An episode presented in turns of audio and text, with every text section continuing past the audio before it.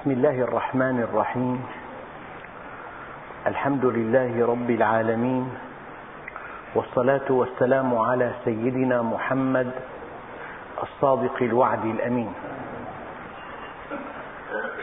أيها الإخوة الكرام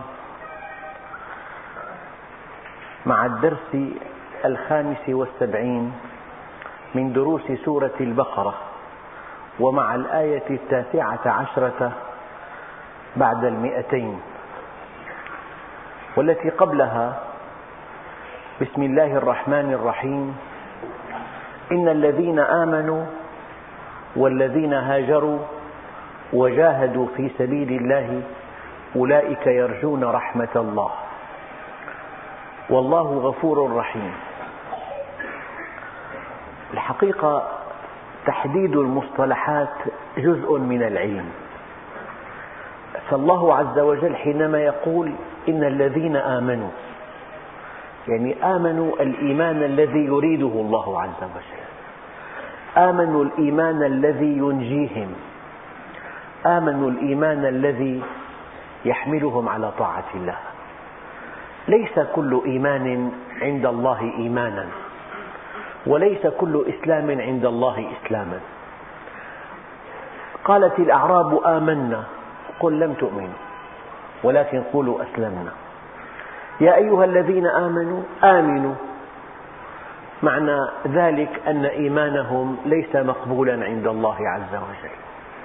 فالله جل جلاله إذا قال آمنوا القصد من هذا الكلام الإيمان الذي بني على بحث ودرس وتأمل والإيمان الذي تستكمل فيه أركان الإيمان من إيمان بالله موجودا وواحدا وكاملا وإيمان بأنبيائه ورسله وإيمان بكتبه وإيمان بالملائكة وإيمان بالقدر خيره وشره من الله تعالى.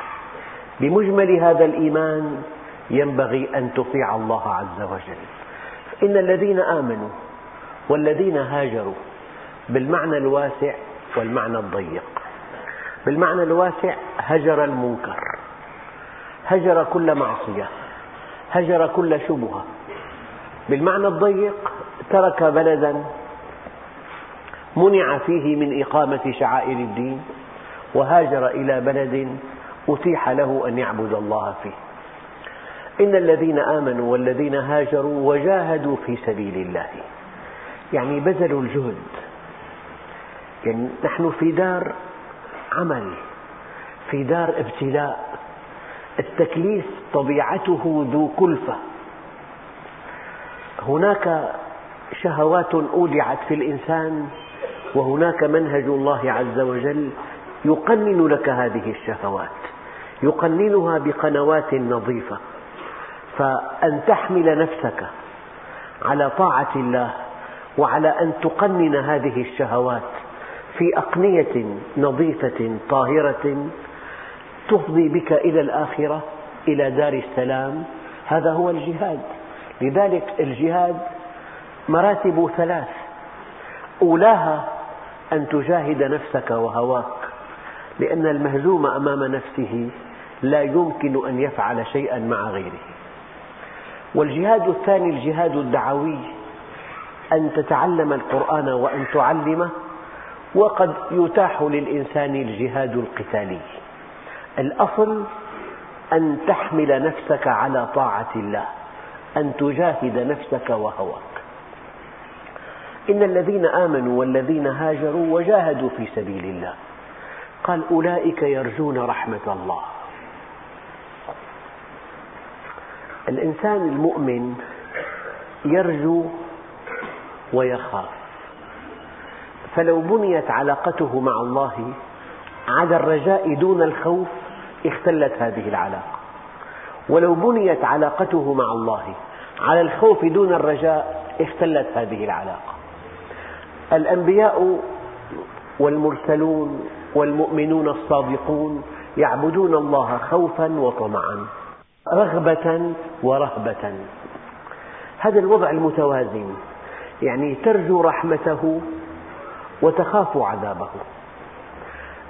ترجو رحمته بحيث لا تطمع فيها فتقع في معصية. وتخشى عذابه بحيث تحملك هذه الخشية على طاعته دون أن تيأس من رحمته. قضية فيها توازن دقيق. ترجوه دون أن تطمع في رحمته طمعا يحملك على معصية الله وتخافه خوفا دون أن يحملك على اليأس من رحمة الله. الخوف طبيعي ما لم يحملك على يأس والرحمة طبيعية ما لم تحملك على معصية.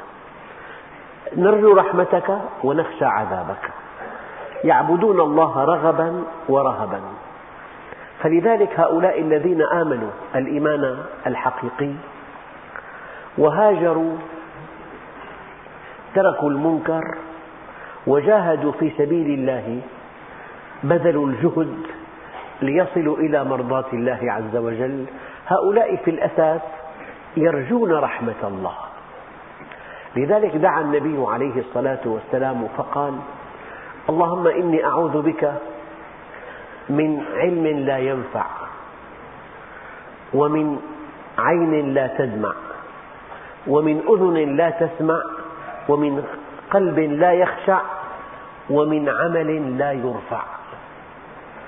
فأنت لو عملت عملا صالحا يجب أن تبقى قلقا. لعل في هذا العمل نية لا ترضي الله. لعل في هذا العمل حظ من حظوظ الدنيا. استعذ بالله من عمل لا يرفع. لذلك النبي عليه الصلاة والسلام ذكر أن الجنة التي هي فضل الله عز وجل لا يكفيها العمل. لا بد من رحمة الله. هذا كلام يحتاج إلى تفصيل. نعم. إلا أن يتغمدني الله برحمته. نعم. فالجنة محض فضل. تحتاج إلى رحمة الله. إن كل عملك في الدنيا لا يكفي ثمنا للجنة ولكنه قد يكون سببا لدخول الجنة. وفرق كبير بين أن يكون العمل سببا وبين, وبين أن يكون العمل ثمنا. كل عملك الصالح لا يكفي ليكون ثمن الجنة. إلا أن يتغمدني الله برحمته. الجنة محض فضل والنار محض عدل. أيها الإخوة إن الذين آمنوا والذين هاجروا وجاهدوا في سبيل الله أولئك يرجون رحمة الله. ما هي رحمة الله؟ الله عز وجل يقول ورحمة ربك خير مما يجمعون. يعني واحد يملك أعمال تجارية تدر عليه ألوف الملايين. ورحمة ربك خير مما يجمعون. إنسان يملك شارع بأكمله بكل أبنيته في أروج عواصم العالم. ورحمة ربك خير مما يجمعون. إنسان يملك شركة متعددة الجهات والفروع ولها حجم مالي خيالي. ورحمة ربك خير مما يجمعون. لأن رحمة الله عز وجل مطلق عطائه. من معانيها السلامة سلامة الصحة سلامة القلب سلامة النفس. من معانيها أن يحبك الناس. من معانيها أن تكون آمنا مطمئنا. من معانيها أن تتصل عندك نعم الدنيا بنعم الآخرة. من معانيها. أن تنتهي دنياك إلى تنتهي بك دنياك إلى جنة عرضها السماوات والأرض. رحمة الله رحمة الله أثمن شيء يملكه الإنسان. إن رحمة الله قريب من المحسنين. يعني كل عطاء الله كل علم الله كل رحمة الله كل عدل الله كل قوة الله كل ما عند الله من خير متمثل في رحمته. لذلك ما يفتح الله للناس من رحمة فلا ممسك لها وما يمسك فلا مرسل له من بعده. يعني إذا حجبت عنك رحمة الله وجاءتك الدنيا بحذافيرها فأنت أشقى الأشقياء. ولو حجبت عنك الدنيا كلها ومنحت رحمة الله فأنت أسعد السعداء. رحمة الله إنك مع الله. يعني أنت تستفيد من علم الله ومن قدرة الله ومن فضل الله ومن غنى الله. كل ما عند الله بين يديك إذا كنت موصولا به. وكل ما عند الله محجوب عنه إذا كنت مقطوعا عنه. إذا رحمة الله مطلق عطاء الله عز وجل. الصحابة الكرام عاشوا حياة خشنة لكنهم كانوا مغموسين برحمة الله. بينما أناس كثر في أعلى درجات الغنى والقوة حجبت عنهم رحمة الله فهم في أشقى حالة. إن الذين آمنوا والذين هاجروا وجاهدوا في سبيل الله أولئك يرجون رحمة الله. والله غفور رحيم. النبي عليه الصلاة والسلام من شدة أدبه مع الله قال في دعائه الشريف نسألك موجبات رحمتك. الرحمة لها موجبات. من موجبات الرحمة أن تكون مستقيما على أمر الله حتى تستحق رحمة الله. من موجبات الرحمة أن تكون مخلصا لله حتى تستحق رحمة الله. من موجبات الرحمة أن يكون لك عمل صالح يرضي الله حتى تستحق رحمة الله عز وجل. أيها الإخوة الآية التي تليها يسألونك عن الخمر والميسر. بادئ ذي بدء. تحدثت في درس سابق فيما أذكر أن كلمة يسألونك تعني الشيء الكثير. أنت حينما تعرف الله تسأل عن أمره ونهيه. حينما تعرف الله لا بد من أن تتوجه إليه أو لا بد من أن تتقرب منه. كيف السبيل إلى التقرب إلى الله عز وجل؟ إنسان من بني جلدتك تحب أن تتقرب منه تزوره. تقدم له هدية. ترعى ابنه تعين من حوله. هذه وسائل التقرب إلى البشر. أما إن أردت التقرب إلى الله عز وجل ما السبيل؟ أن تطيعه أن تنتهي عما عنه نهاك وأن تأتمر بما أمرك به. يعني أكبر وسيلة للتقرب إلى الله عز وجل أن تأتمر بما أمرك وأن تنتهي عما نهاك. طيب. التسلسل المنطقي حينما تتعرف إلى الله وحينما ترى أن الله هو كل شيء وأن الأمر كله بيد الله وأن العطاء كله من عند الله وأن الله هو المعطي وهو المانع وهو الرافع وهو الخافض وهو المعز وهو المذل. كيف السبيل إلى التقرب إليه؟ نحن في حياتنا الدنيا. إذا التقيت بإنسانك على شيء من العلم أو شيء من الخلق تتمنى أن تلتقي به تتمنى أن تزوره. كيف السبيل إلى أن نلتقي؟ إلى أن نجلس معا إلى أن نزورك إلى أن تزورنا. أنت حينما ترى إنسان متفوق قليلا تتمنى أن تلتقي به. إنك إن عرفت الله عز وجل الشيء الأول بعد هذه المعرفة كيف أتقرب منه؟ كيف أتصل به؟ كيف أنتفع برحمته؟ كيف أنال من عطائه؟ كيف أسعد بقربه؟ لذلك يسألونك. معنى ذلك الذي لا يعرف الله لا يسأل أبدا. لما السؤال؟ كله عنده سواء. أما الذي يسأل هو الذي يعرف الله. هل هذا يرضي الله؟ هل هذا العمل يحجبني عن الله؟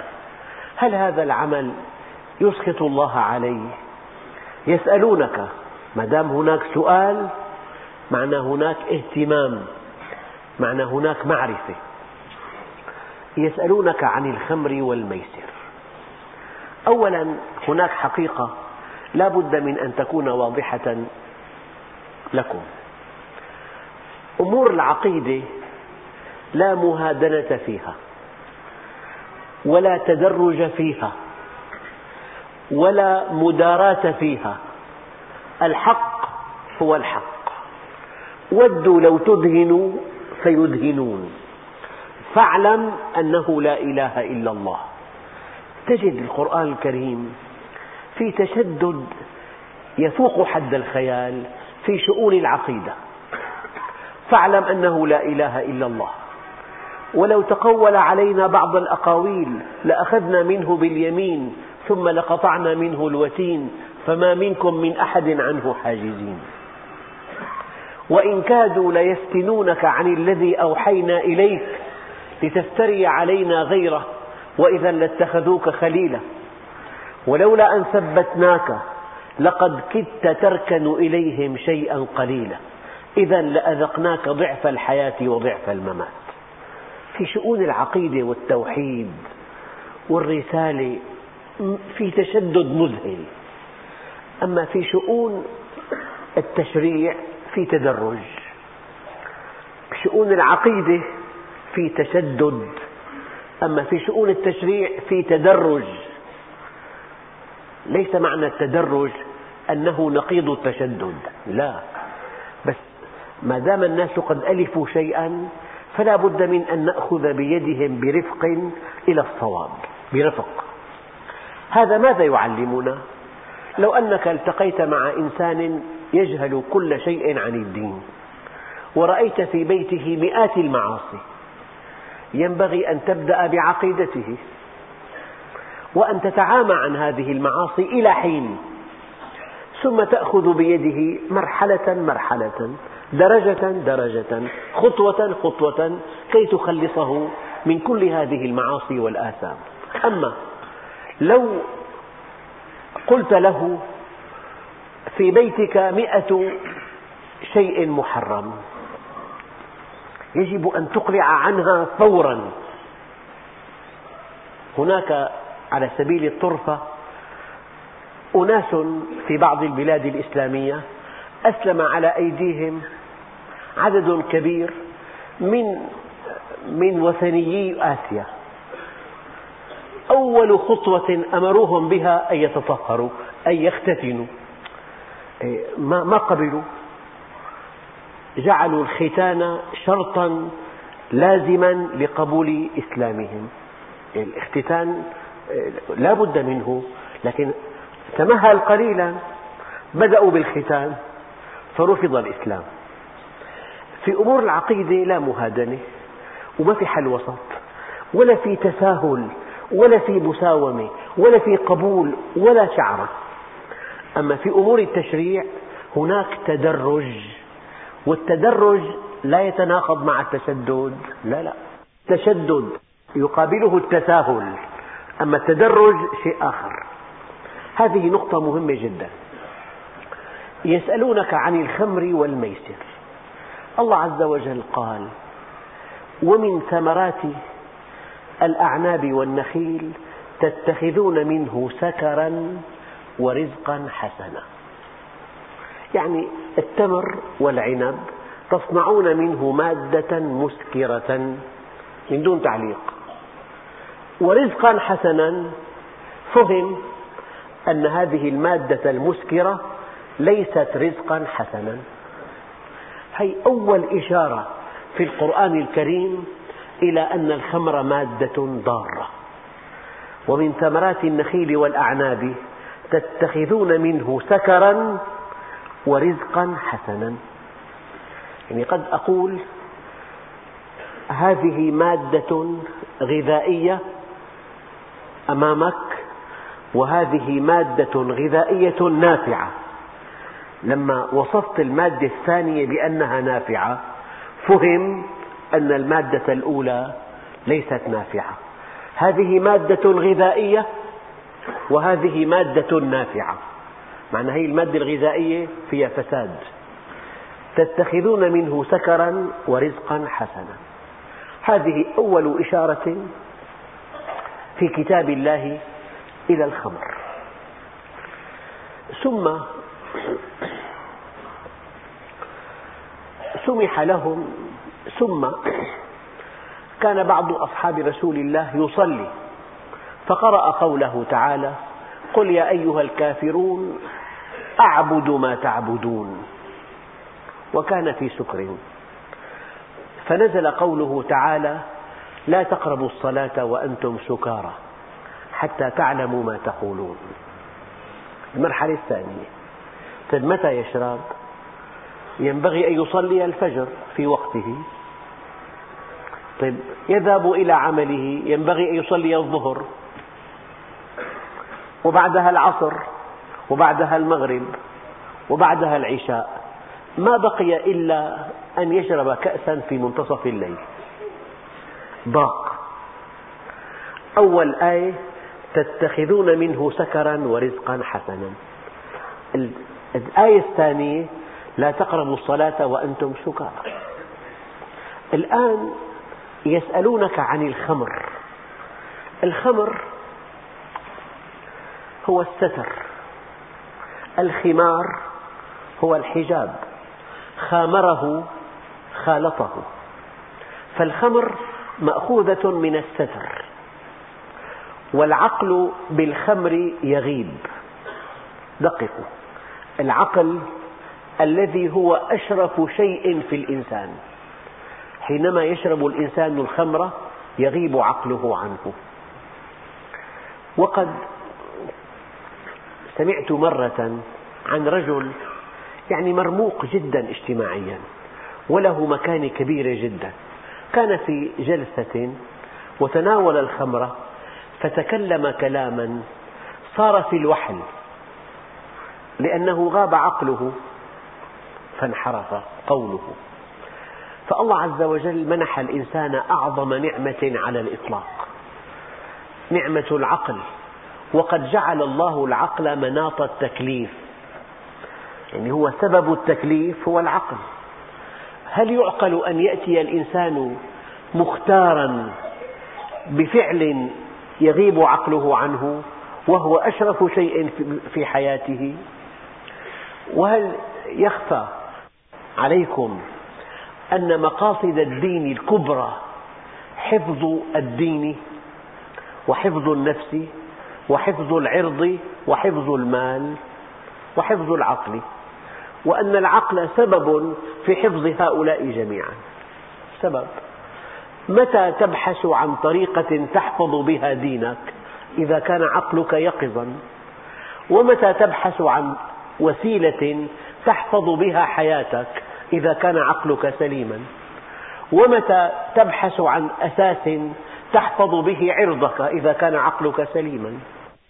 والشواهد التي لا تعد ولا تحصى أن الإنسان يمكن وهو في حالة سكر وقد ورد هذا في بعض الأحاديث أن يقع على أمه أو على عمته أو خالته أو على ابنته. تعطل العقل. يمكن أن يأتي عملا يجعله في الوحل. يمكن أن يقدم على قتل أولاده. والشواهد كثيرة جدا. يعني لماذا الخمر محرمة؟ لأن أشرف شيء منحك الله إياه هو العقل وهذا الخمر يغيب عنك عقلك. فإذا أنت تتحرك حركة عشوائية ضالة منحرفة. يسألونك عن الخمر الخمر التي تحجب عقل الإنسان عنه. والميسر الميسر من اليسر. يعني إنسان يعمل سنة بأكملها ليجمع مبلغا من المال ينفق منه طوال العام. في جلسة واحدة قد يكسب أضعاف هذا المبلغ بالقمار. كإنسان سافر واشترى بضائع وباع البضائع وجمع ثمن البضائع وفي بضائع رجعت له. مشكلات لا تنتهي. يأتي المقامر في جلسة واحدة يكسب أضعاف أضعاف هذه التجارة المشروعة الرابحة في ليلة واحدة. فسمي الميسر ميسرا من هذا القبيل. لكن, لكن هو حرام لماذا؟ لأنك حينما تجلس إلى أخيك هدفك أن تأخذ كل ما في جيبه أية أخوة هذه؟ تجلس إلى أخيك لتأخذ كل ما في جيبه أو أن يأخذ كل ما في جيبك فالذي يلعب القمار يألف الكسب السهل بلا جهد. وقد يدفع كل ما يملكه بهذه الجلسة. قال بعض الشعراء هو الداء الذي لا برأ منه وليس لذنب صاحبه اغتفار تشاد له المنازل شاهقات وفي تشييد ساحتها الدمار. نصيب النازلين بها سهاد وإفلاس فيأس فانتحار. الآن المقامر إن لم يجد من يقامر معه تعود على الكسب السهل لجأ إلى السرقة أو إلى الاحتيال. وحينما تفور يفور دم المقامر فمن أجل أن يكيد لصاحبه قد يبيع أثاث بيته وقد يضحي بعرضه وقد يفعل شيئا لا يفعله عاقل في الأرض. فهذا الخمر الذي يحجب عنك عقلك وهذا الميسر الذي يفقدك مالك. يعني أساس الميسر كسب غير مشروع كسب مال بلا عمل. نحن في عنا قاعدة. الأموال تأتي من الأعمال في الإسلام. الأموال تأتي من الأعمال. وإذا أتت الأموال من الأعمال هذه الكتلة النقدية التي بين أيدي الناس توزعت بين الناس جميعا. الكتلة النقدية التي بين أيدي الناس توزعت بين الناس جميعا. أما إذا ولد المال المال أو لم, لم تأتي الأموال عن طريق الأعمال فهي مشكلة كبيرة جدا. فأنت حينما يعني تسمح في مجتمع ما أن تكتسب الأموال من دون أعمال. تجمعت الأموال في أيد قليلة وحرمت منها الكثرة الكثيرة. فالآية الكريمة يسألونك عن الخمر والميسر. قل فيهما إثم كبير ومنافع للناس. هذه الآية ليست هي الآية الفاصلة في الخمر. لا زلنا في التدريج. قل فيهما إثم كبير. إنسان باختياره يضيع عقله. أو إنسان باختياره يأخذ ما في جيب أخيه أو يسمح له أن يأخذ ما في جيبه. يعني كسب للمال أو فقد للمال بلا سبب مقنع. كسب للمال أو فقد له. كسب المال من دون عمل وفقده من دون خطأ. قل فيهما إثم كبير ومنافع للناس. المنفعة هنا بقدر تصور أصحابها أنه في تجارة رابحة بالخمر الأيام الإنسان بينسى همومه بالخمر هكذا يدعي بعضهم. وهي نقطة في عليها جواب دقيق. في ترى الإنسان إذا غاب عن همومه هل ألغيت همومه؟ إذا غاب عن همومه هل توقف مصدر الهم؟ لا الهم قائم. ماذا ينبغي أن يفعل؟ بدل أن يأخذ المنوم ليغيب عن همه. يجب أن يكون يقظا ليعالج مشكلته.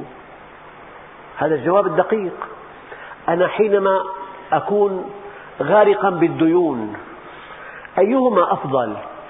أن يشرب الإنسان الخمر لينسى هذه الديون؟ أم أن يبحث عن عمل يسد هذه الديون فالجواب الدقيق أن من يدعي أن شرب الخمر ينسيه الهموم هي دعوة باطلة كما تفعل النعامة أحيانا يتبعها عدو مخيف فتغمس رأسها في الرمل لئلا تراه هل عدم رؤية العدو يلغي وجوده؟ يلغي بطشه؟ أبدا العدو موجود شارب الخمر تماما حينما يشرب الخمر لينسى همومه كالنعامة تماما تغمس رأسها في الرمل لئلا ترى العدو والعدو وراءها وسينهشها. إذا هذا المنافع للناس شاربو الخمر يتوهمون أن شرب الخمر تنسيهم همومهم.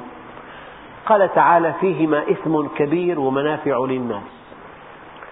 وإثمهما أكبر من نفع نفعهما. الإثم أكبر بكثير. ونحن في حياتنا اليومية.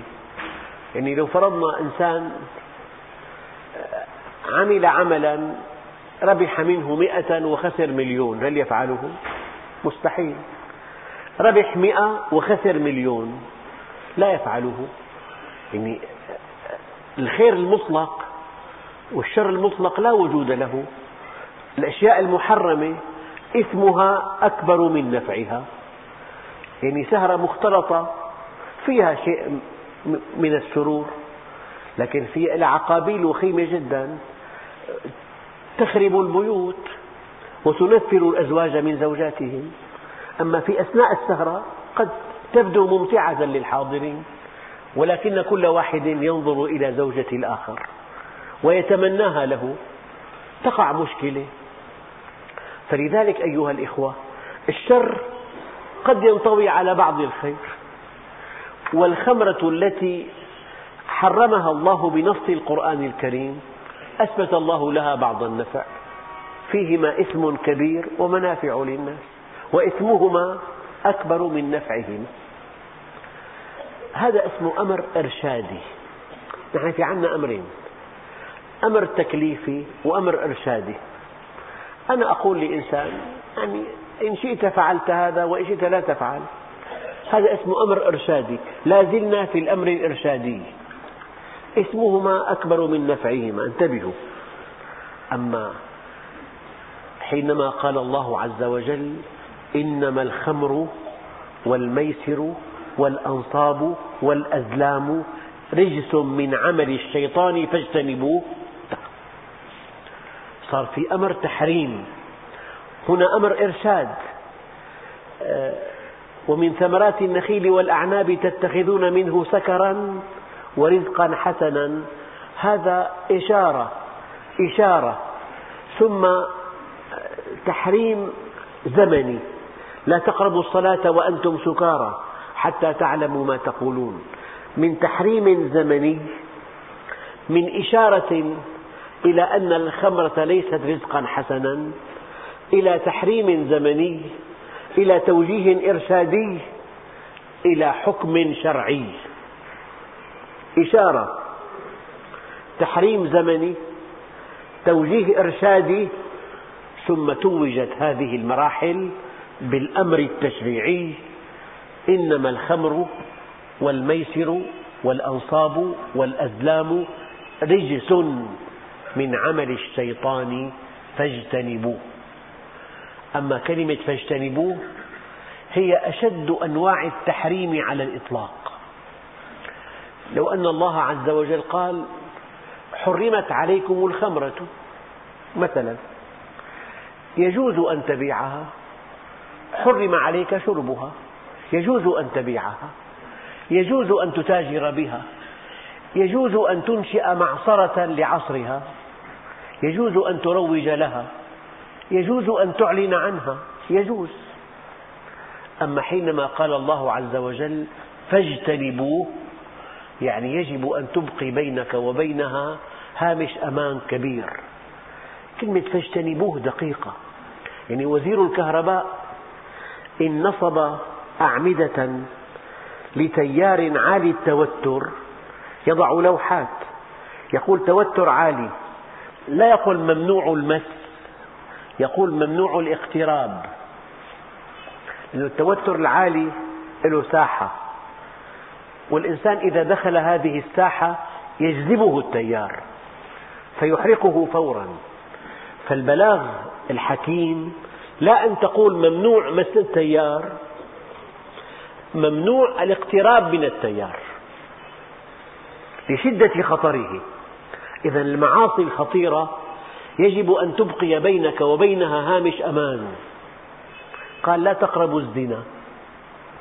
معنى الزنا معصية خطيرة ولها مقدمات ولها منطقة محرمة. فإذا اقتربت من هذه المنطقة المحرمة وقعت بالزنا دون أن تدري. فالشريف هو الذي يهرب من أسباب المعصية. لا من المعصية بذاتها. إذا هناك آية كريمة وتلك حدود الله فلا تقربوها. يجب أن تبقي بينك وبين حدود الله هامش أمان. إنما الخمر والميسر والأنصاب والأزلام رجس من عمل الشيطان فاجتنبوه. انتهى الأمر. الصحابة الكرام وفي آخر الآية فهل أنتم منتهون؟ قالوا لقد انتهينا يا رب. في ليلة واحدة أهرقت كل دنان الخمر. وانتهى الأمر. بس أرأيت إلى هذه الحكمة التشريعية؟ إشارة لطيفة. ثم تحريم زمني. ثم أمر إرشادي. ثم حكم شرعي. هكذا التدرج. هذا درس للدعاة.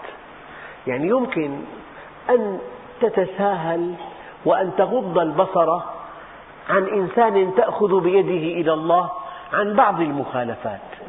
ليس معنى هذا أن تقول له إنها مباحة لا اسكت عنها. غض البصر عنها إلى أن يقوى عوده. طبعا ممنوع الآن بعد آية الخمر التحريمية أن تقول لا تقربوا الصلاة وأنتم سكارى. الآيات, الآيات السابقة كلها نسخت. لكن يجوز أن تستضيء بهذا التدرج التشريعي في معاملتك لمن كان بعيدا عن الدين أن تأخذ بيده خطوة خطوة. دون أن تقول له هذا مباح الحرام حرام لكن بين أن تجعل له كل حياته معصية فيبتعد عنك وبين أن تتغافل عن بعض مخالفاته كي تأخذ بيده إلى الله عز وجل. الآيات التي سبقت آية التحريم كلها الآن منسوخة. يعني لا يجوز أن نقول لواحد شارب خمر نقول له صلي ولكن اشرب بين الصلوات. هذا كلام مرفوض الآن. إلا لك أن تغض البصر عن بعض المخالفات تطبيقا لمنهج هذه الآية في التدرج التشريعي. هذا ممكن. أنه في شخص يدخل لبيت بيلاقي في عصفور معلق هيك حرام. فعلا حرام. بس في عنده ألف مخالفة أهم من هيك. هو لا يصلي بالأساس. فقبل أن تعطيه قائمة بالمحرمات التي رأيتها في بيته دله على الله أولا. يعني أنا أقول الدعاة يحتاجون إلى حكمة في نقل هذا الدين. فالإنسان متعلق بأشياء كثيرة جدا. غض البصر عنها مؤقتا. وعرفه بالله عز وجل. فإذا عرف الله عز وجل باع روحه في سبيله. يسألونك عن الخمر والميسر قل فيهما إثم كبير ومنافع للناس وإثمهما أكبر من نفعهما ويسألونك ماذا ينفقون؟ قل العفو.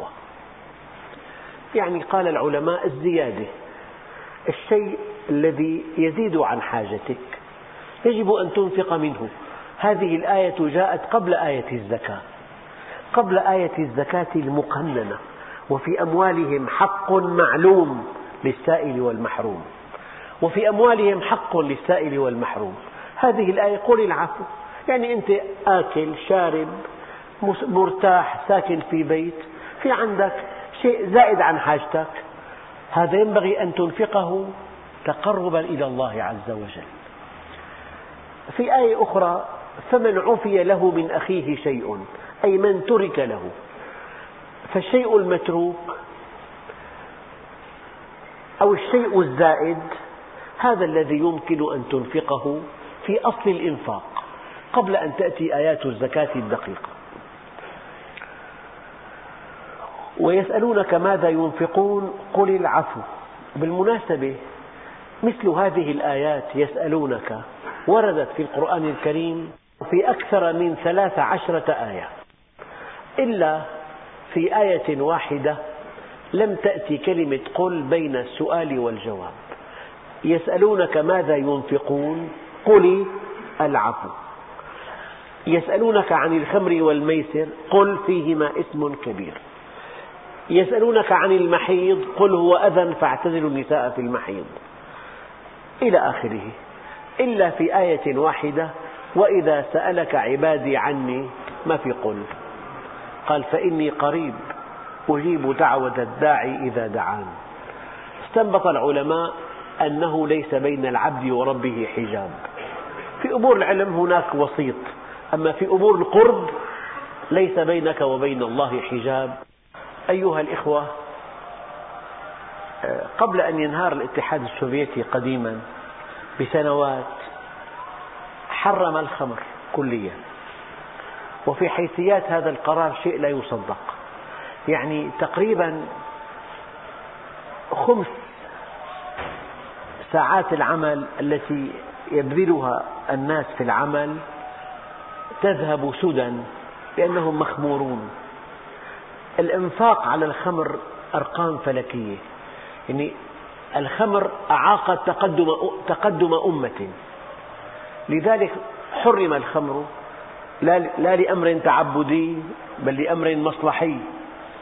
يعني دائما يجب أن نعلم أن الشيء الذي حرمه الله ضار في كل زمان ومكان وفي كل عصر ومصر. فالخمر حرمتها أمريكا في عام 33 وبذلت جهدا في تحريمها. يعني في قرأت مقال الآن لا أذكر تفاصيله. يعني مئات الأشخاص أعدموا ومليارات المبالغ أصبحت غرامات ومئات المطبوعات ثم أطلق الأمر لاستحالة التحريم. هذا حينما يحرم بشر. أما حينما يحرم خالق البشر انتهى الأمر. فاجتنبوه انتهى الأمر. لا تجد المسلم في في بحبوحة كبيرة. قضية الخمر خارج خارج أي نشاط له. أما غير المسلم يعني ألف الخمر واعتاد عليها ودخلت في دمه فالمشكلة كبيرة جدا. يعني أيها الإخوة أردت أن أقول إن هذا الدين عظيم وأحد وجوه عظمته أن الشيء الضار محرم قطعيا. فالمسلمون في عافية كبيرة لأنهم بعيدون عن هذا الشراب الذي يغيب عقولهم. يعني تروي بعض الكتب أن إنسان خير بين أن يقتل وبين أن يزني وبين أن يشرب الخمر. هو بوهمه رأى أهون شيئا أن يشرب الخمر. فلما شرب الخمر زنى وقتل. سماها النبي أم الكبائر. جمع الشر كله في بيت ثم أرتج عليه فكان مفتاحه السكر. الخمر أم الخبائث فالله عز وجل عافانا جميعا من هذا الشراب الذي يضيع عقل الإنسان. يسألونك عن الخمر والميسر قل فيهما إثم كبير ومنافع للناس وإثمهما أكبر من نفعهما ويسألونك ماذا ينفقون قل العفو. كذلك يبين الله لكم الآيات لعلكم تتفكرون والحمد لله رب العالمين.